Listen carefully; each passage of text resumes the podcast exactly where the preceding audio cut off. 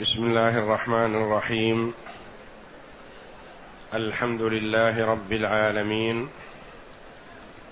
والصلاة والسلام على نبينا محمد وعلى آله وصحبه أجمعين. وبعد.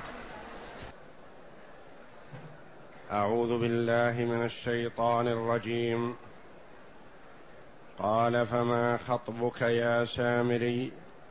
قال بصرت بما لم يبصروا به فقبضت قبضة من أثر الرسول فنبذتها فنبذتها وكذلك سولت لي نفسي. قال فاذهب فإن لك في الحياة أن تقول لا مساس وإن لك موعدا لن تخلفه. وانظر إلى إلهك الذي ظلت عليه عاكفا لنحرقنه ثم لننسفنه ثم لننسفنه في اليم نسفا.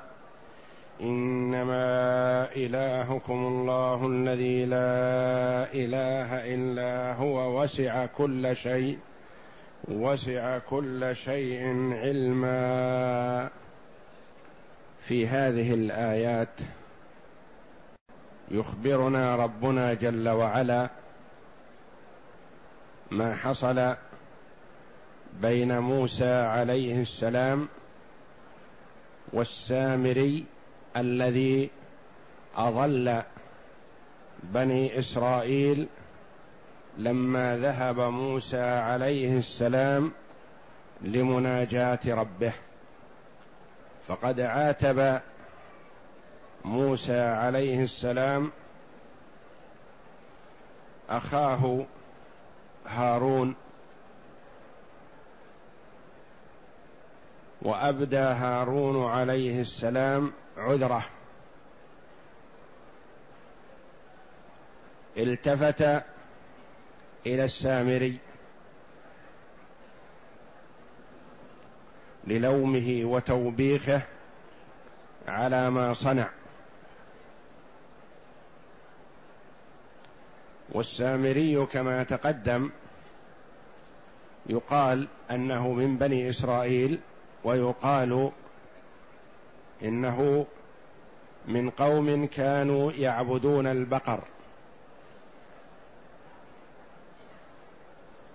فاشتاق إلى ديانته وديانة آبائه وأجداده فصنع ما صنع. قال موسى عليه السلام للسامري قال الله قال فما خطبك يا سامري؟ ماذا صنعت يا سامري؟ ما الذي حملك على ما صنعت؟ ما شأنك؟ لم عملت ما عملت؟ قال بصرت بما لم يبصروا به.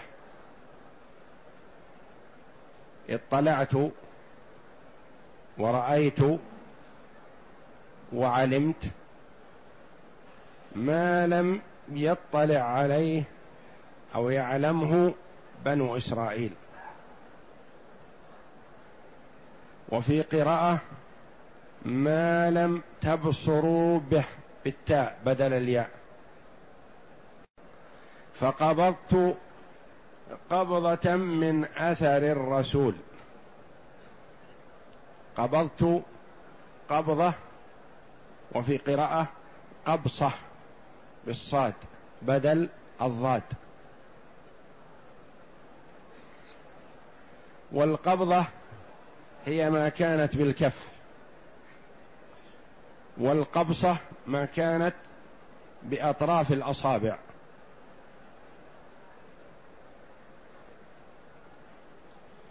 قبضة من أثر الرسول جمهور المفسرين على أن هذه القبضة من أثر فرس جبريل عليه السلام. وقد اطلع السامري ورأى جبريل على فرسه ورأى أثر حافر الفرس يخضر. فعلم أنه أن له شأن له أثر. فقبض قبضة بيده من أثر حافر فرس جبريل.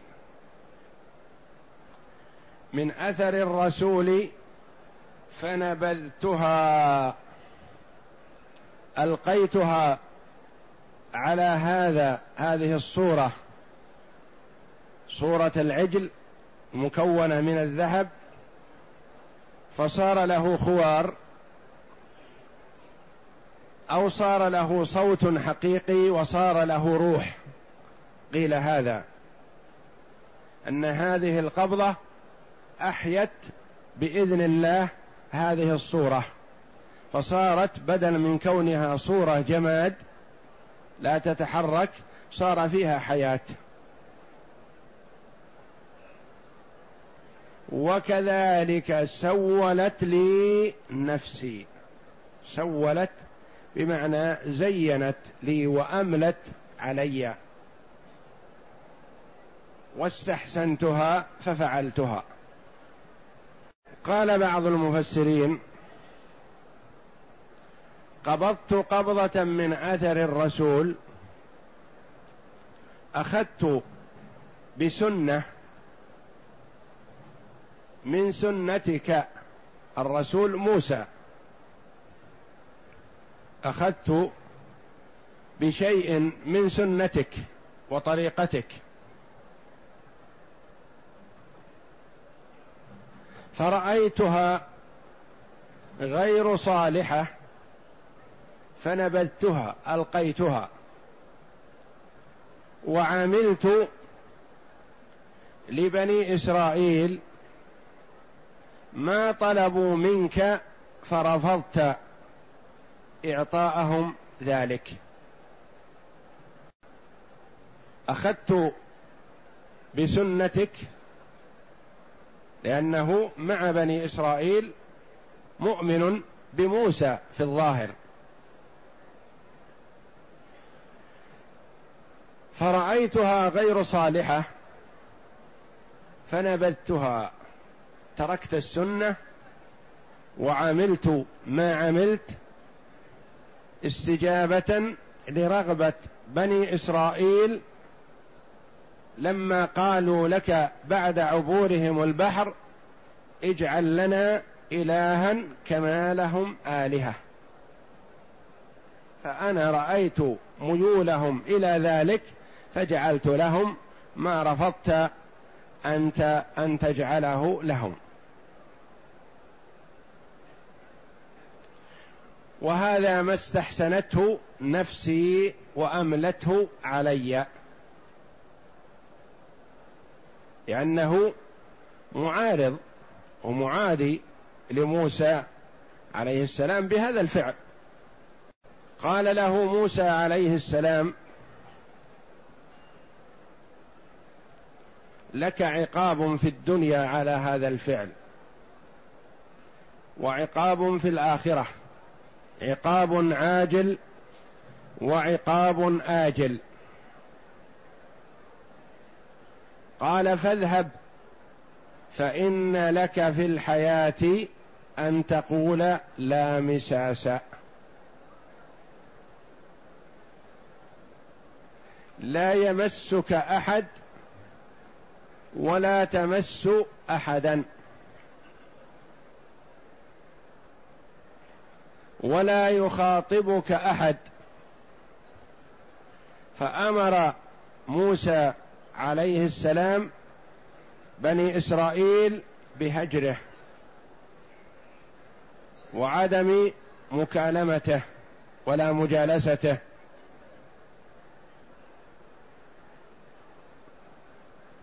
عقابا له على ما بدر منه.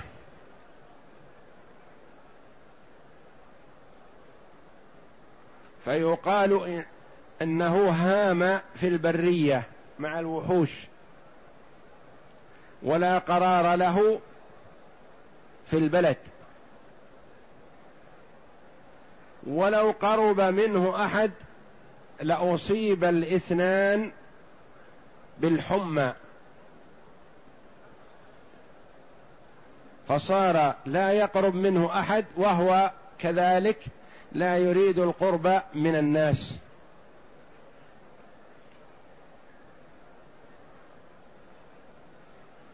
وصار يقول باستمرار لا مساس. أو لا يقول هذا القول بلسانه وإنما الحال منه كأنه يقول ذلك وذلك أنه لا يرغب في قرب أحد ولا يرغب أحد في القرب منه. وامتثل بنو إسرائيل ما أمرهم به موسى فقلوه وتركوه وأبغضوه.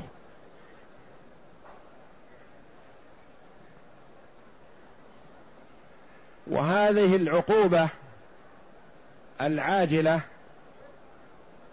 أصل في هجران أهل البدع.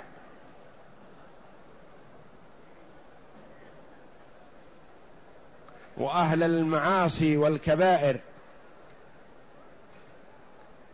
في أنهم ينبغي أن يبتعد الناس عنهم ليستوحشوا. فلا يجالسون ولا يخاطبون ولا يتقرب إليهم.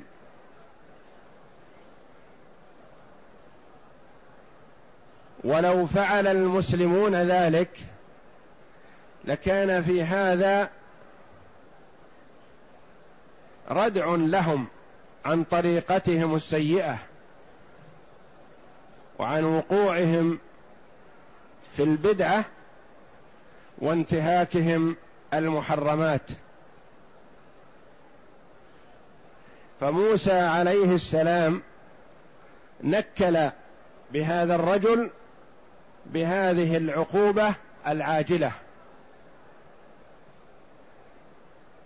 جعله يشعر بالوحشة.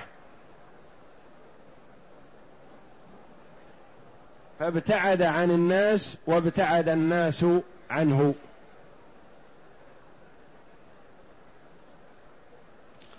وروي عن قتادة رحمه الله قال بقية جماعة السامري يقولون لا مساس إلى اليوم.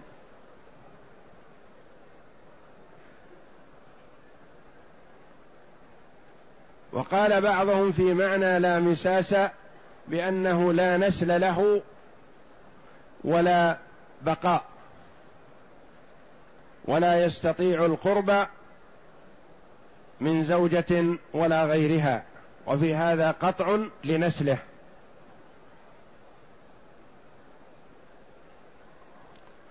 ولا منافاة بين المعنيين فإذا حذره الناس وابتعدوا عنه وحم من قرب منه ابتعد منه كل أحد حتى الزوجة.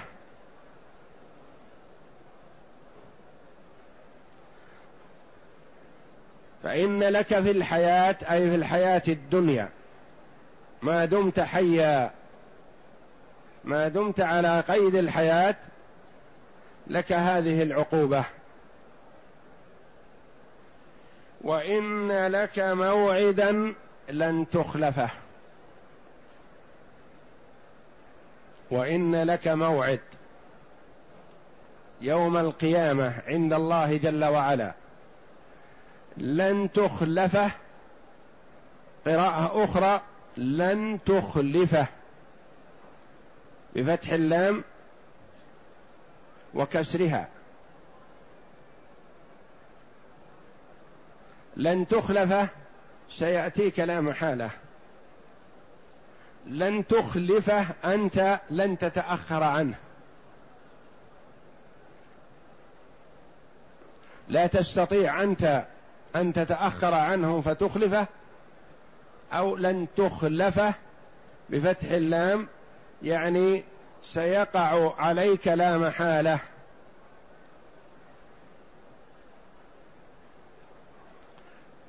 فتوعده بعذاب الآخرة بعد ذلك. بعذاب النار.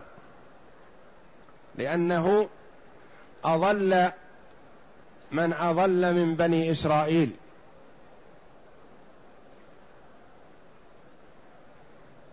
وهكذا كل من دعا إلى ضلاله فعليه وزره ووزر من عمل بها من غير أن ينقص من أوزارهم شيء.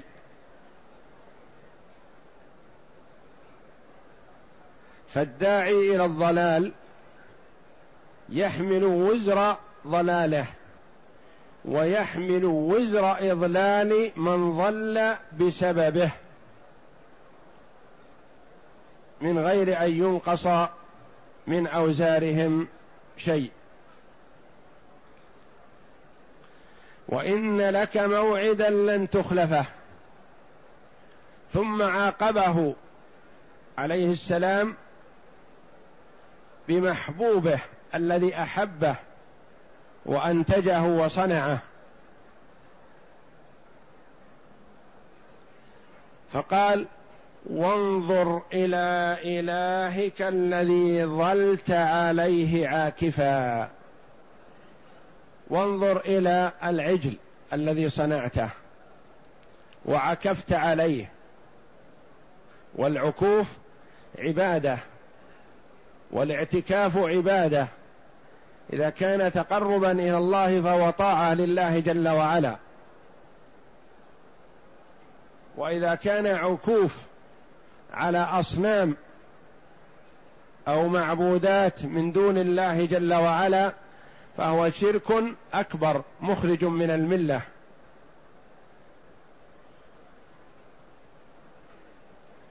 وانظر إلى إلهك يعني معبودك الذي عبدته من دون الله ودعوت إلى عبادته. الذي ظلت أصله ظللت اللام الأولى مكسورة واللام الثانية ساكنة. فخففت بحذف اللام الأولى. الذي ظلت عليه عاكفا يعني بقيت واستمررت عاكفا عليه. لنحرقنه.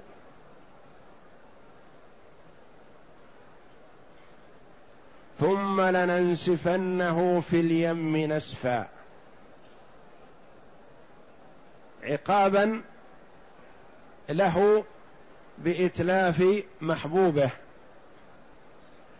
ولم يأمره الله جل وعلا لم يأمر الله موسى بقتل السامري.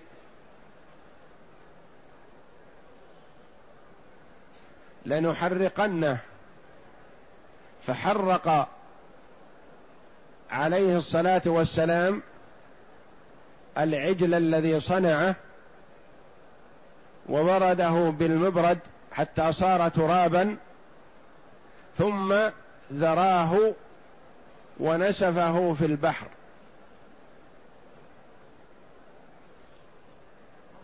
لنحرقنه حتى يذهب ولا يبقى له أثر.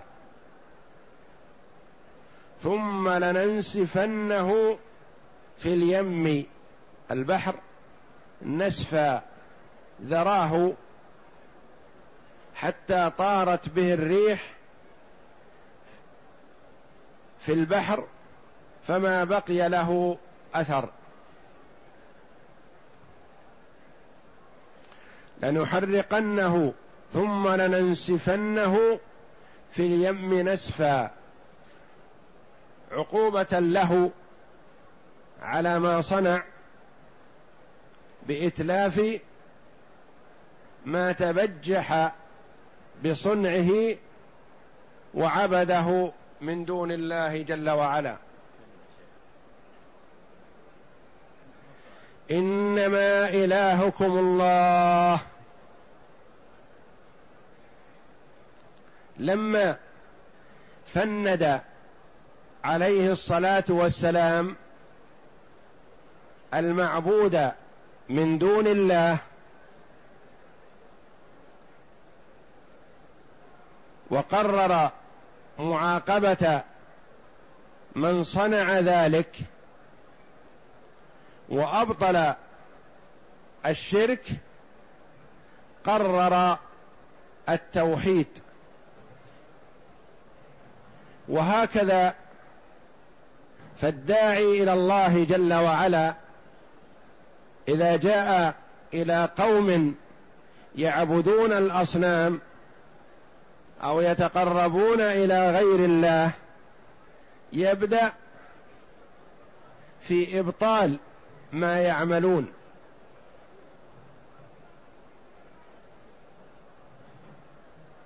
وبيان خطأهم في ذلك. وتجهيلهم وأن هذا جهل وضلال ويبين نقص وعدم قدرة ما اتخذ إلها من دون الله وأنه لا يصلح لذلك ثم يقرر توحيد الله جل وعلا وإفراده بالعبادة. وهكذا دعوة الرسل.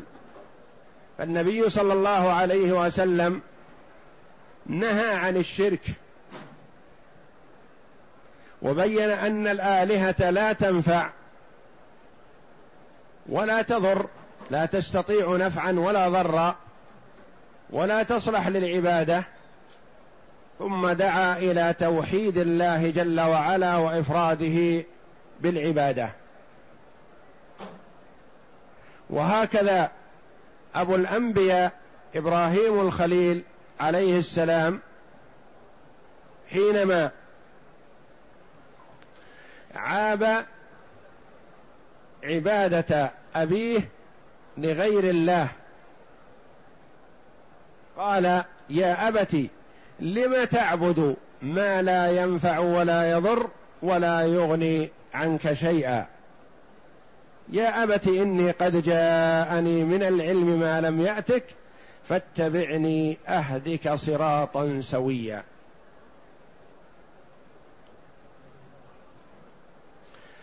قال موسى عليه الصلاة والسلام لبني إسرائيل لما قرر عقاب السامري التفت إلى بني إسرائيل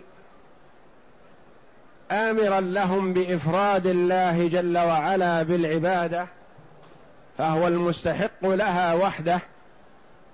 إنما إلهكم الله إنما أداة حصر فالإله واحد لا إله غيره ولا رب سواه. إنما إلهكم الله لا العجل ولا الأصنام. ولا أي شيء مخلوق. إنما إلهكم الله الموصوف بهذه الصفة الذي لا إله إلا هو. موصوف بأنه المتفرد في الوحدانية والألوهية. المعبود وحده. لا إله إلا هو وهو المستحق للعبادة لأنه وسع كل شيء علما. هذا هو المستحق للعبادة. إذا دعوته استجاب. إذا استغفرته غفر. إذا ناديته سمعك. يعلم ما في نفسك قبل أن تتكلم وتقول.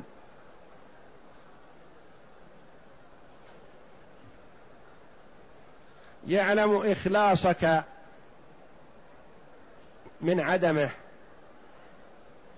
يعلم ما في قلبك من التوجه إليه. وسع كل شيء وكل من ألفاظ العموم. تعم كل شيء كبيرا أو صغيرا ظاهرا أو خفيا سرا أو علانية. وسع كل شيء علما هو المستحق للعبادة. دعا إلى إفراد الله وبين شيئا من صفاته جل وعلا التي استحق لها من أجلها أن يعبد وحده لا شريك له. وسع كل شيء علما علم تمييز.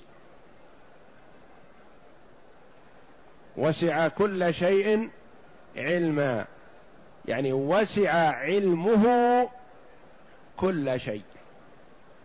لا تخفى عليه خافية. إذن فهو المستحق للعبادة وحده لا شريك له. وبهذه الآية انتهى ما قص الله جل وعلا على نبينا محمد صلى الله عليه وسلم في هذا الكتاب العظيم من قصة موسى مع فرعون ومع بني إسرائيل ومع السامري. في هذه السورة. وقال جل وعلا كذلك نقص عليك من أنباء ما قد سبق وقد آتيناك من لدنا ذكرا. من أعرض عنه فإنه يحمل يوم القيامة وزرا خالدين فيه وساء لهم يوم القيامة حملا. كذلك كما قصصنا عليك قصة موسى مع هؤلاء نقص عليك من أنباء ما قد سبق أخبار السابقين. وهذه القصص فيها فوائد عظيمة يسوقها الله جل وعلا. منها تسلية النبي صلى الله عليه وسلم وتقوية عزيمته. وحثه على الصبر بأن من قبلك من الأنبياء والرسل أصابهم ما أصابهم من المشقة في سبيل الدعوة إلى الله جل وعلا. الأمر الثاني توسيع مدارك هذه الأمة واطلاعها على أخبار وعلوم السابقين.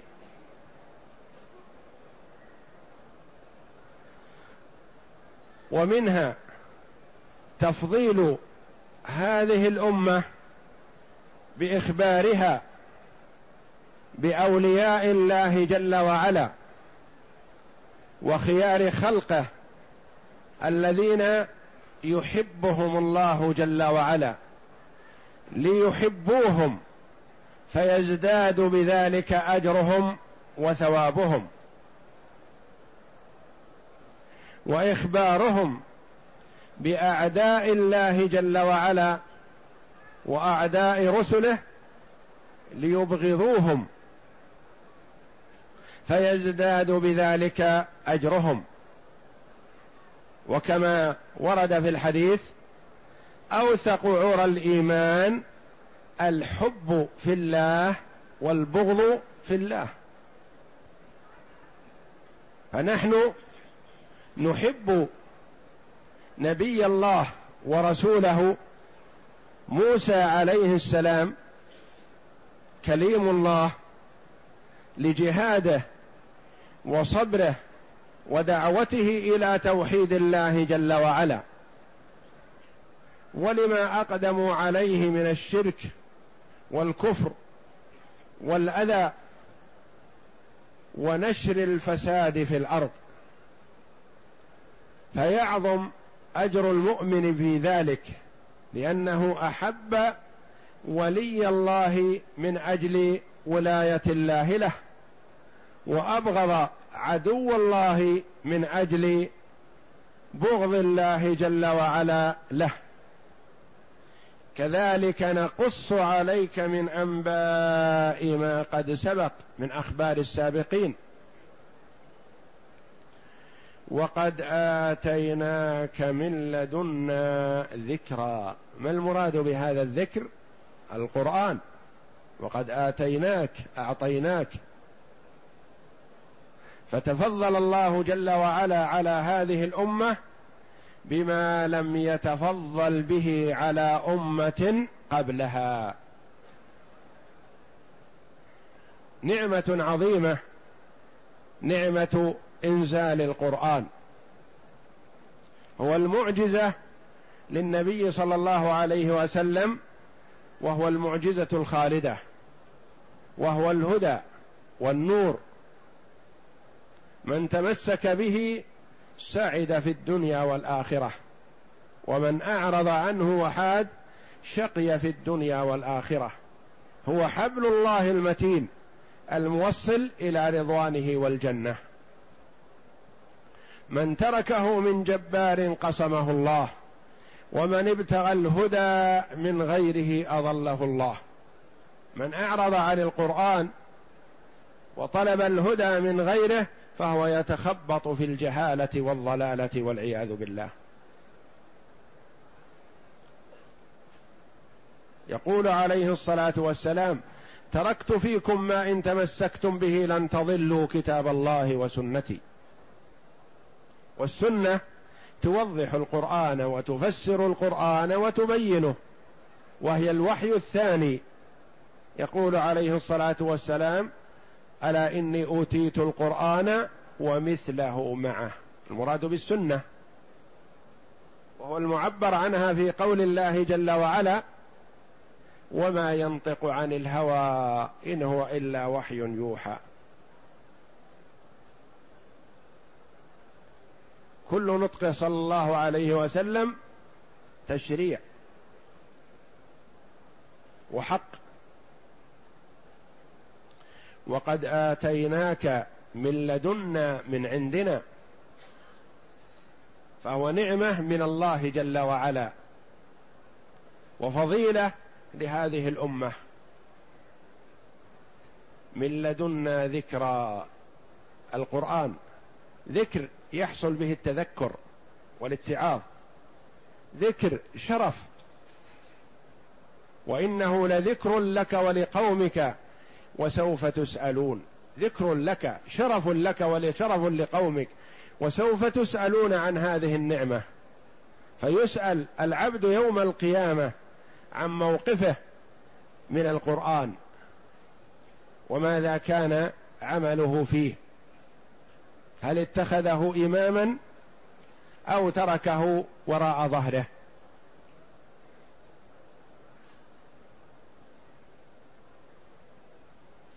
وقد آتيناك من لدنا ذكرا. أعطيناك نعمة عظيمة وشرفا كبيرا وسعادة الدنيا والآخرة. الذي هو خلق نبينا محمد صلى الله عليه وسلم. كان خلقه القرآن. أثنى الله جل وعلا على خلق رسوله صلى الله عليه وسلم في القرآن العظيم فسارع الصحابة رضوان الله عليهم. أو بعض التابعين يسألون عائشة رضي الله عنها التي هي أعرف الناس برسول الله صلى الله عليه وسلم ما هو خلق رسول الله الذي أثنى عليه ربه به؟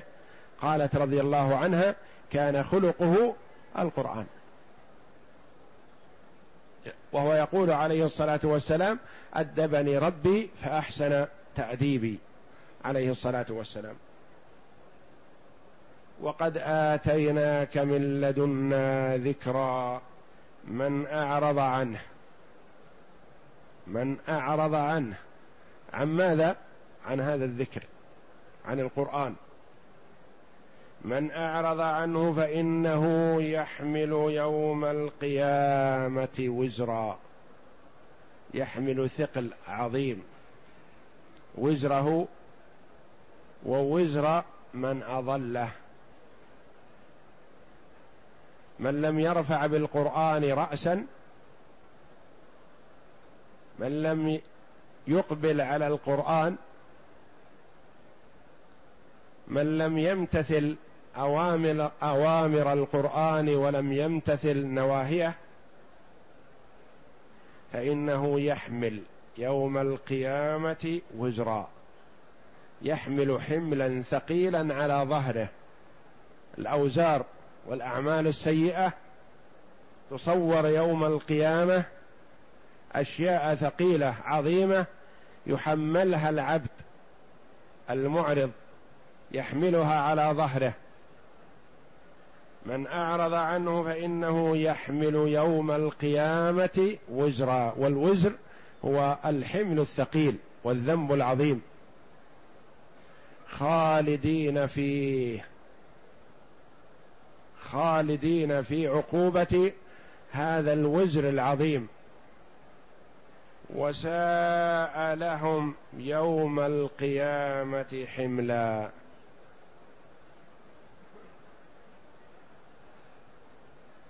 خالدين فيه مستمرين دائمين وهذه حال.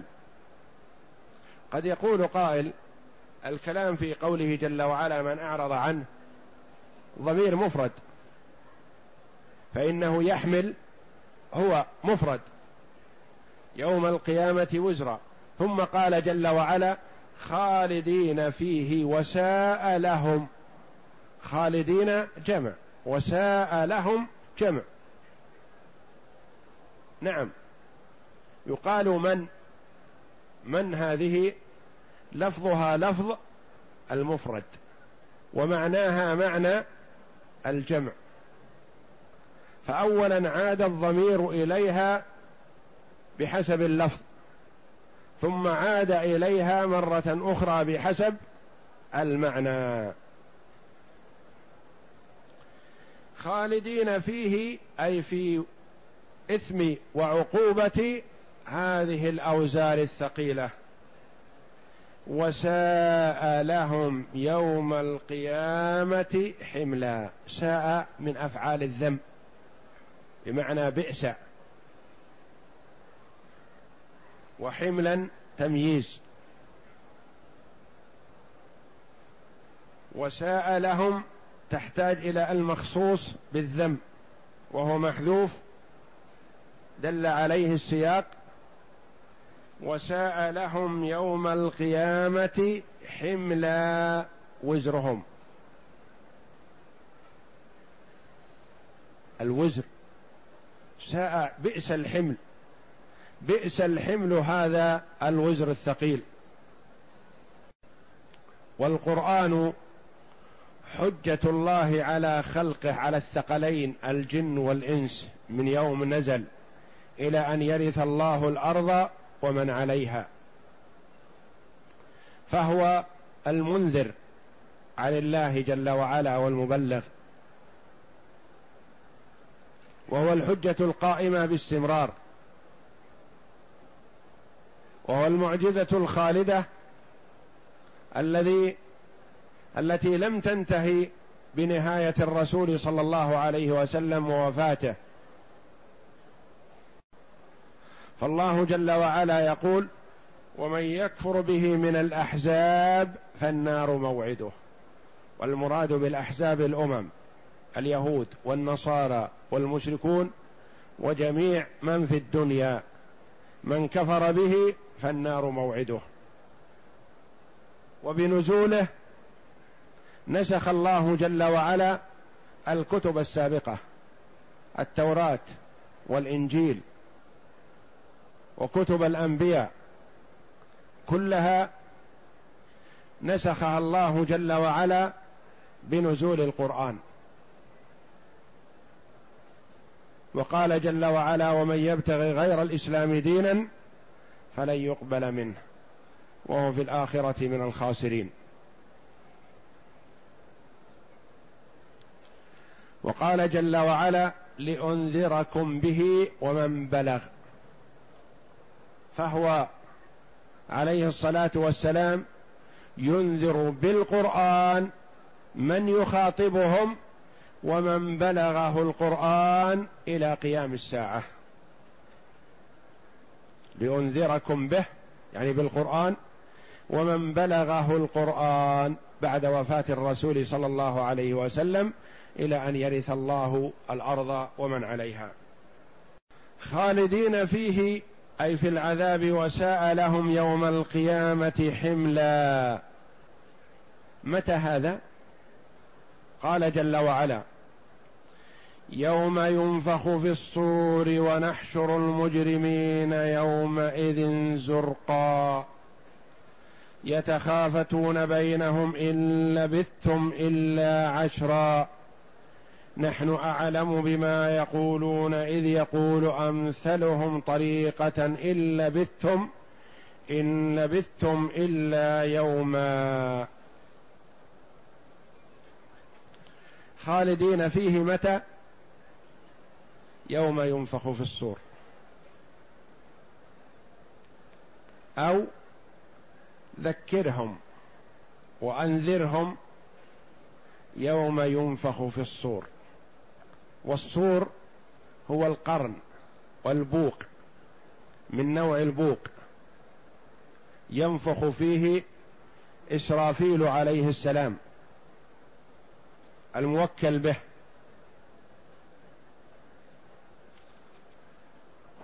فتتطاير أرواح الخلائق من هذا البوق الذي هو أكبر من السماوات والأرض. تتطاير الأرواح إلى أجسادها. وهذه النفخة هي النفخة الثانية للحشر. سئل النبي صلى الله عليه وسلم عن الصور فقال قرن ينفخ فيه.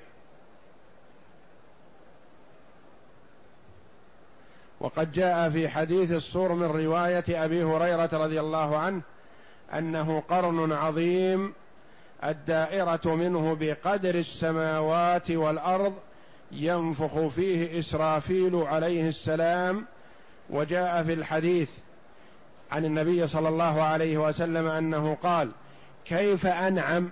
لما قيل له ألا تنعم يا رسول الله؟ قال كيف أنعم وصاحب القرن قد التقم القرن وحنى جبهته وانتظر أن يؤذن له. يعني مستعد. من بعثة النبي صلى الله عليه وسلم وصاحب القرن ال- الذي هو إسرافيل قد استعد للنفخ. حنى جبهته وانتظر أن يؤذن له. فقالوا يا رسول الله كيف نقول؟ قال قولوا حسبنا الله ونعم الوكيل على الله توكلنا. ونحشر المجرمين الكفار والمعرضين عن طاعة الله يومئذ ذلك اليوم الذي هو يوم القيامة زرقا زرق العيون سود الوجوه من هول يوم القيامة. يتخافتون بينهم. يكلم بعضهم بعضا سرا. إن لبثتم إلا عشرا. إن لبثتم أين؟ في الدنيا. لبثهم في الدنيا مئات السنين أو عشرات السنين كلها كأنها عشر ليالي فقط.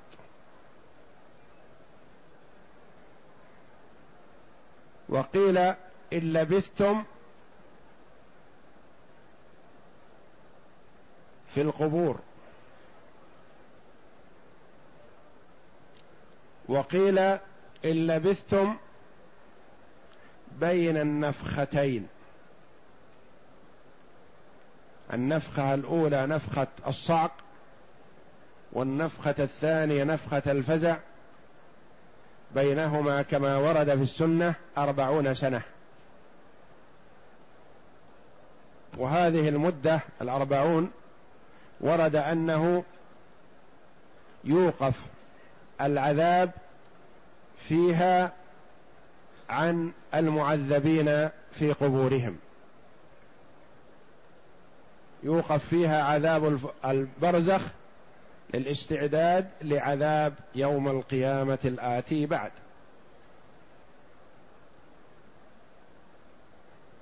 فإذا كان المراد إن لبثتم إلا عشرا في الدنيا يعني كأنه تنصل عن إقامة الحجة. بأن هذه المدة العشرة الأيام لا تكفي للإعذار والإنذار.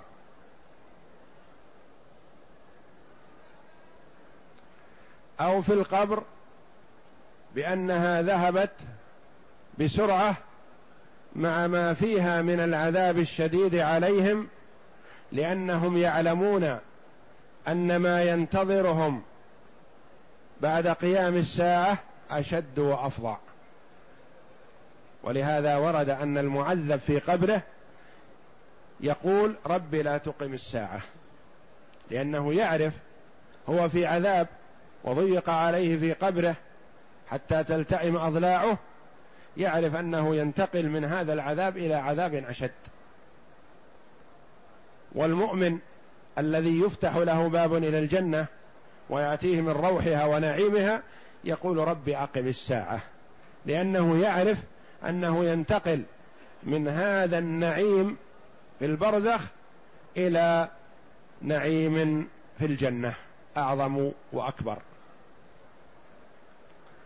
ولهذا ورد أن عثمان بن عفان رضي الله عنه كان إذا وقف على القبر بكى حتى تبتل الأرض بدموعه رضي الله عنه. فقيل له تذكر الجنة والنار ولا تعمل ولا يحصل عندك مثل ما يحصل إذا ذكرت القبر أو رأيته. قال إنه أول منزل من منازل الآخرة. إن كان خيرا فما بعده خير منه. وإن كان شرا فما بعده شر منه. فهو الدرجة الأولى وهو الذي تحصل به البشارة أو التخويف بالعذاب والعياذ بالله الشديد. فهو مقدمة النعيم أو مقدمة العذاب. أو أنهم يستقلون ما بين النفختين لأنه سكت وهجد وسكن عنهم العذاب. يقول الله جل وعلا نحن أعلم بما يقولون كل هذا أحاط الله جل وعلا به علما مع أنهم يتخافتون بينهم في ظنهم أنهم يسرونه. إذ يقول أمثلهم طريقة أعقلهم وأكثرهم ضبطا إن لبثتم إلا يوما. إن هذه النافية يعني ما لبثتم إلا يوما واحدا. قال المفسرون ظنوا ذلك لأن الدنيا مهما طالت ومهما طال عمر الإنسان فهو يوم يتكرر. ولهول الموقف الذي يشعر به ويراه المجرم ينسى ويذهل كل ما مضى وتختلف عليه الأمور فيظن أنه ما بقي في الدنيا إلا يوما واحدا. لأن المرء إذا أتاه ما يشغله ويذهله نسي معلوماته ونسي ما لديه. إلا أن الله جل وعلا يثبت الله الذين آمنوا بالقول الثابت في الحياة الدنيا وفي الآخرة ويضل الله الظالمين. فالمؤمن لا يذهل ولا يغفل بإذن الله. ولا ينسى. يذكر حينما أخبر النبي صلى الله عليه وسلم الصحابة أن منكر ونكير وذكر صفتهما الفظيعة الموحشة المرهبة يأتيان إلى الميت في قبره فيسألانه. فقال عمر رضي الله عنه أنحن في عقولنا وإدراكنا حاليا قال نعم. قال في فيه الحجر.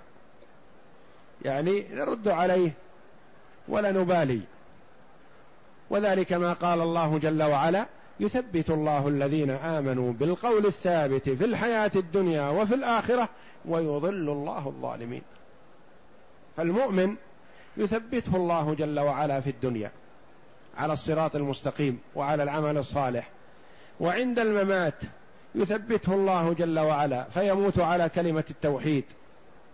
ذاكرا لربه جل وعلا مستبشرا بما أمامه لأنه يرى البشائر بين يديه. يثبت في قبره يثبت حينما يقوم من قبره.